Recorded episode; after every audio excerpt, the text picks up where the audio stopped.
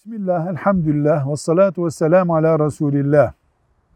Erkek ve kadın iki yabancı iseler, zorunlu olarak da bir noktada bulunuyorlarsa, dinimiz acilen nelere dikkat etmemizi ister?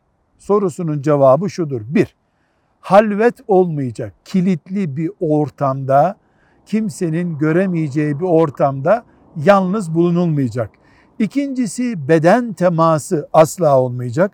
Üçüncüsü de erkek ve kadının gösterilmesi haram olan organları, bölgeleri gösterilmeyecek. Kadın ve erkek sesli olarak birbirlerini kışkırtması muhtemel bir uslup kullanmayacaklar. Zorunlu olarak böyle bir ortamda bulunulabilir. Velhamdülillahi Rabbil Alemin.